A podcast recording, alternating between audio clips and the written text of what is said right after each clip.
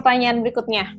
Berarti kan kalian pernah secara langsung atau nggak langsung kalian actually berhubungan dengan influencer tersebut kan? Gimana sih experience-nya so far gitu? Kalau gue kan sebagai orang awam cuma bisa ngeliat apa yang udah dia post gitu, tapi sebenarnya dibalik untuk itu kan ada proses kan dari kalian coba menghubungi dia, menawarkan produk kalian gitu. Sebenarnya suka dukanya tuh uh, apa sih gitu kalau kalian boleh share? Terserah siapa yang mana dulu. gue sih cuma inget yang paling berkesan ada satu hal duka atau lebih duka. yang nggak enakin okay. sih yang lebih tenang yang, yang apa ya terkenang gitu. Sebenarnya mungkin Evelyn suka ya dulu. Evelyn lo, lo suka? Share. Ya ya ya pasti ada lah ya suka duka dari setiap profesi. Nah salah satu yang gue dapatkan dari uh, menerapkan influencer marketing ini yang pasti gue gain experience yang menurut gue berguna banget like mm. how to deal with people mm. dengan dan secara nggak langsung tuh ya melatih interpersonal communication skill kita dengan mm. banyak orang dari yeah. belakang dan yang pasti berkesempatan untuk nambah network juga sih. Hmm. Kalau dukanya, um, gimana ya? Influencer ini kan tipe orangnya beda-beda. Kadang harus sabar menghadapi respon mereka. Nah, terkadang ada beberapa juga yang udah deal tahu-tahu batal atau mungkin keinginan uh, brand tuh nggak bisa tersampaikan karena alasan-alasan tertentu. Jadi kita mesti cari orang lain lagi kan pernah sempet gue dijutekin juga tuh padahal cuma via chat tapi keberasa hmm. banget vibe-nya tuh dia reply gue sambil marah Oh Terus pernah God. juga baper ya. yang mungkin kayak apa ya mendadak nggak bisa dihubungin dan akhirnya ya kewajiban dia nggak tuntas. Kalau kayak gitu itu udah cuma bisa gigit jari aja sih. Oh MIA ya, oke oke. Kalau Edwin, lo pernah merasakan hal yang sama nggak? Oke, okay, kalau mungkin ya of course kalau sukanya atau benefitnya untuk kita yang bekerja sama influencer tuh mungkin sama yang kayak Evelyn bilang ya. Gue setuju banget nambah networking dan juga nambah komunikasi cara kita komunikasi dengan orang-orang yang berbeda uh, background ini gimana sih gitu kan. Dan sebenarnya kalau misalnya di gue sendiri untuk yang pekerjaan gue itu lebih banyak bekerja dengan influencer mancanegara internasional yang datang ke Bali gitu hmm. dan Ya, well, basically mereka ya cukup profesional ya, gue bisa bilang kayak gitu. Tapi ada pernah ada satu hal yang ini mungkin gue nggak akan pernah lupa. Jadi gue pernah kerja sama, ini sharing aja sih, gue di approach sama dua influencer dari Jerman dan mereka ini dari profilnya itu kita saat kita review kita udah lihat profilnya itu bagus banget. Ini udah macro influencer lah ya, udah verified accountnya, udah profile mereka itu dibilang sebagai mereka adalah seorang aktivis, seorang apa ya, seorang yang uh, mendukung tentang human lah, environment lah, pokoknya yang baik-baik gitu. Pokoknya image yang dia create di post dia, semua sesuai dengan brand image kita gitu kan. Kemudian nyampe di hotel, mereka belum lihat kamar, belum lihat apa, mereka udah protes, mereka minta di-upgrade. Pokoknya well, long story short, mereka ngamuk di lobby, di lobby uh, hotel. Kemudian orang staff hotel itu sampai nelfon ke gue harus gimana, minta minta di upgrade segala macam. Terus gue bilang kayak, no, kita stick to the plan dan lo udah tanda tangan kontrak dan sebagainya. Terus akhirnya gue ngomong sama influencernya, influencernya marah-marah, tetap minta di upgrade ke villa, gue udah kasih dia sweet loh by the way. Gue tetap bilang gue gak ngasih terus dia malah bilang kayak oh jadi lo nggak mau gue promotin hotel lo? Kalau misalnya gue tinggal hotel lo sekarang masih banyak kok hotel-hotel di luar sana yang mau nerima gue. Gue dalam hati kayak ya udah silahkan keluar. Sebenarnya gue tuh pengen banget bilang kayak gitu cak terus uh-huh. gitu gue tetap bilang sama uh, staff ya di situ pokoknya jangan kasih dia upgrade karena kita nggak bisa kasih upgrade tanpa seizin dari big boss gitu kan. Akhirnya dia marah-marah check in dia sampai lempar paspor dia saat check in ke staff.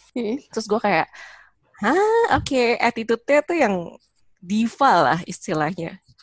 Terus setelah dia masuk kamar, diantar ke hotel, ke kamarnya dia yang suite itu, dan dia dan dia nelfon gue. And you know what? They say thank you, kamarnya bagus, gue suka banget. They did not even apologize karena dia udah memperlakukan gue dan staff seperti itu gitu. Itu yang membuat wow. gue sedikit trauma dengan makro influencer yang kayak, hey, lu tuh aduh gitu gergetan wow. gitu loh cak jadinya wow oh, tapi attitude-nya kayak gitu ya dan iya Flynn dan lu tahu di profile itu tuh dia tulis ini dia tulis sebagai kayak human apalah yang pokoknya en, apa environment lah yang kayak gitu gitu kayak oh my god kadang ini yang membuat gue susah untuk review tau gak sih review profile karena kayak image yang lo create di online itu kadang right, beda right. sama attitude lo secara personal Hmm. gitu ketika lo bertemu langsung. Ini sih yang kadang membuat gue sedih. Wow, salut banget sama kalian semua. Berarti kalian udah super tahan banting ya. It's Ya tapi itu pasti. mungkin cuman satu dari satu dari Hmm. berapa lah ya yang kayak gitu Iya, atau ya betul. Aha. Nggak banyak sih Lagi- yang kayak gitu. yang Tapi aja. ada lah. ya ada Oke. pasti ada gue yakin. Oke, berarti kan kalau tadi kan udah ngomongin suka dukanya nih, terus kira-kira nih ya, kalau misalnya kalian uh, happen gitu, harus berhubungan lagi dengan influencer ke depannya gitu, sebenarnya apa sih ekspektasi kalian gitu sebagai seorang profesional PR gitu terhadap seorang influencer ini gitu? Oke, kalau harapan dari gua yang mewakili brand, kayak kurang lebih sebenarnya yang Edlin udah sampaikan. Sebaiknya kalian influencer, be kind to everyone. Jadi Hmm. jaga Exactly. attitude gitu. Kita sama-sama Exactly. manusia Oh my God. juga yang lagi kerja. Dan ketika kita ngajak kolaborasi, pasti harapannya bisa memberikan mutual benefit gitu. Right. Kalau memang ada yang dirasa kurang Hmm. sesuai, menurut gue semuanya bisa dikomunikasikan secara baik-baik dengan tetap menjaga profesionalitas. Lalu sebenarnya kalau apa ya standar keberhasilan gue pribadi sendiri sebagai seorang PR adalah ketika setelah kolaborasi dengan influencer tersebut, ke depannya ini bisa masih berlanjut lagi gitu. Jadi hubungannya Yes. nggak hubungan transaksional gitu. Karena sebenarnya ketika bisa maintain relationship brand dengan para influencer ini, mereka juga udah experience the product and service, merasakan brand efficacy, akhirnya mereka dengan sendirinya menjadi brand evangelist atau seseorang yang memang secara agresif tapi tetap natural bisa menyebarkan Mhm. kelebihan produk kita gitu karena mereka Wow. udah yakin dan percaya sama produk dan pelayanan dari brand tersebut. Nah biasanya nih brand akan tetap mengamati influencer yang udah pernah bekerja sama dengan mereka Yap. dan ya bang- mungkin banget brand tuh akan engage mereka lagi ya siapa tahu aja Mhm. pada akhirnya dia didapuk menjadi brand ambassador gitu. Oke, oke. Wow. Dlin, mungkin gue punya pertanyaan terakhir nih, Dlin. Uh, basically, kan sekarang orang juga banyak nih berlomba-lomba pengen followersnya naik segala macam. Ya sebenarnya in a way mungkin ada juga gitu yang pengen uh, menjadikan dirinya itu berprofesi sebagai influencer. gitu. Kira-kira kalau dari Edlin sendiri ada pesan atau tips nggak sih bagi teman-teman sekalian yang misalnya ingin menjadi influencer? Um, basically sama yang kayak udah Evelyn bilang. Pertama, mungkin kalau kalian mau jadi influencer adalah be kind. Sama kalian tuh bekerja dengan orang yang profesional. Yang kedua, um, untuk image sama branding diri kalian mungkin lebih apa ya lebih true kali ya lebih autentik ya jangan sampai yang kayak kejadian yang pengalaman gue itu mungkin di di online di dunia maya brand atau image lo tuh sangat baik gitu Hmm. sangat apa ya sangat perfect Sempurna. lah gitu tapi ternyata aslinya sempurna tapi aslinya pas ketemu nyata you treat people like net gitu kan ya jangan Hmm. seperti itulah kita semua sama kita semua bekerja dan kayak yang Evelyn bilang kalau misalnya kita approach kalian pasti kita ada mutual benefit kok gue uh, Hmm. I want something from you but of course you also need to give me something in return gitu pasti True. pasti ada win-win solution buat dua-duanya gitu. Jadi kalau kalian benar-benar mau jadi influencer, be professional, be kind, and benar-benar kalau bisa sih autentik, jangan ngikutin mainstream mainstream yang udah ada sih gitu sih. That's how uh, the brand will be able to see you as an individual or as an influencer gitu. Oke, gue nambahin dikit ya, Ca.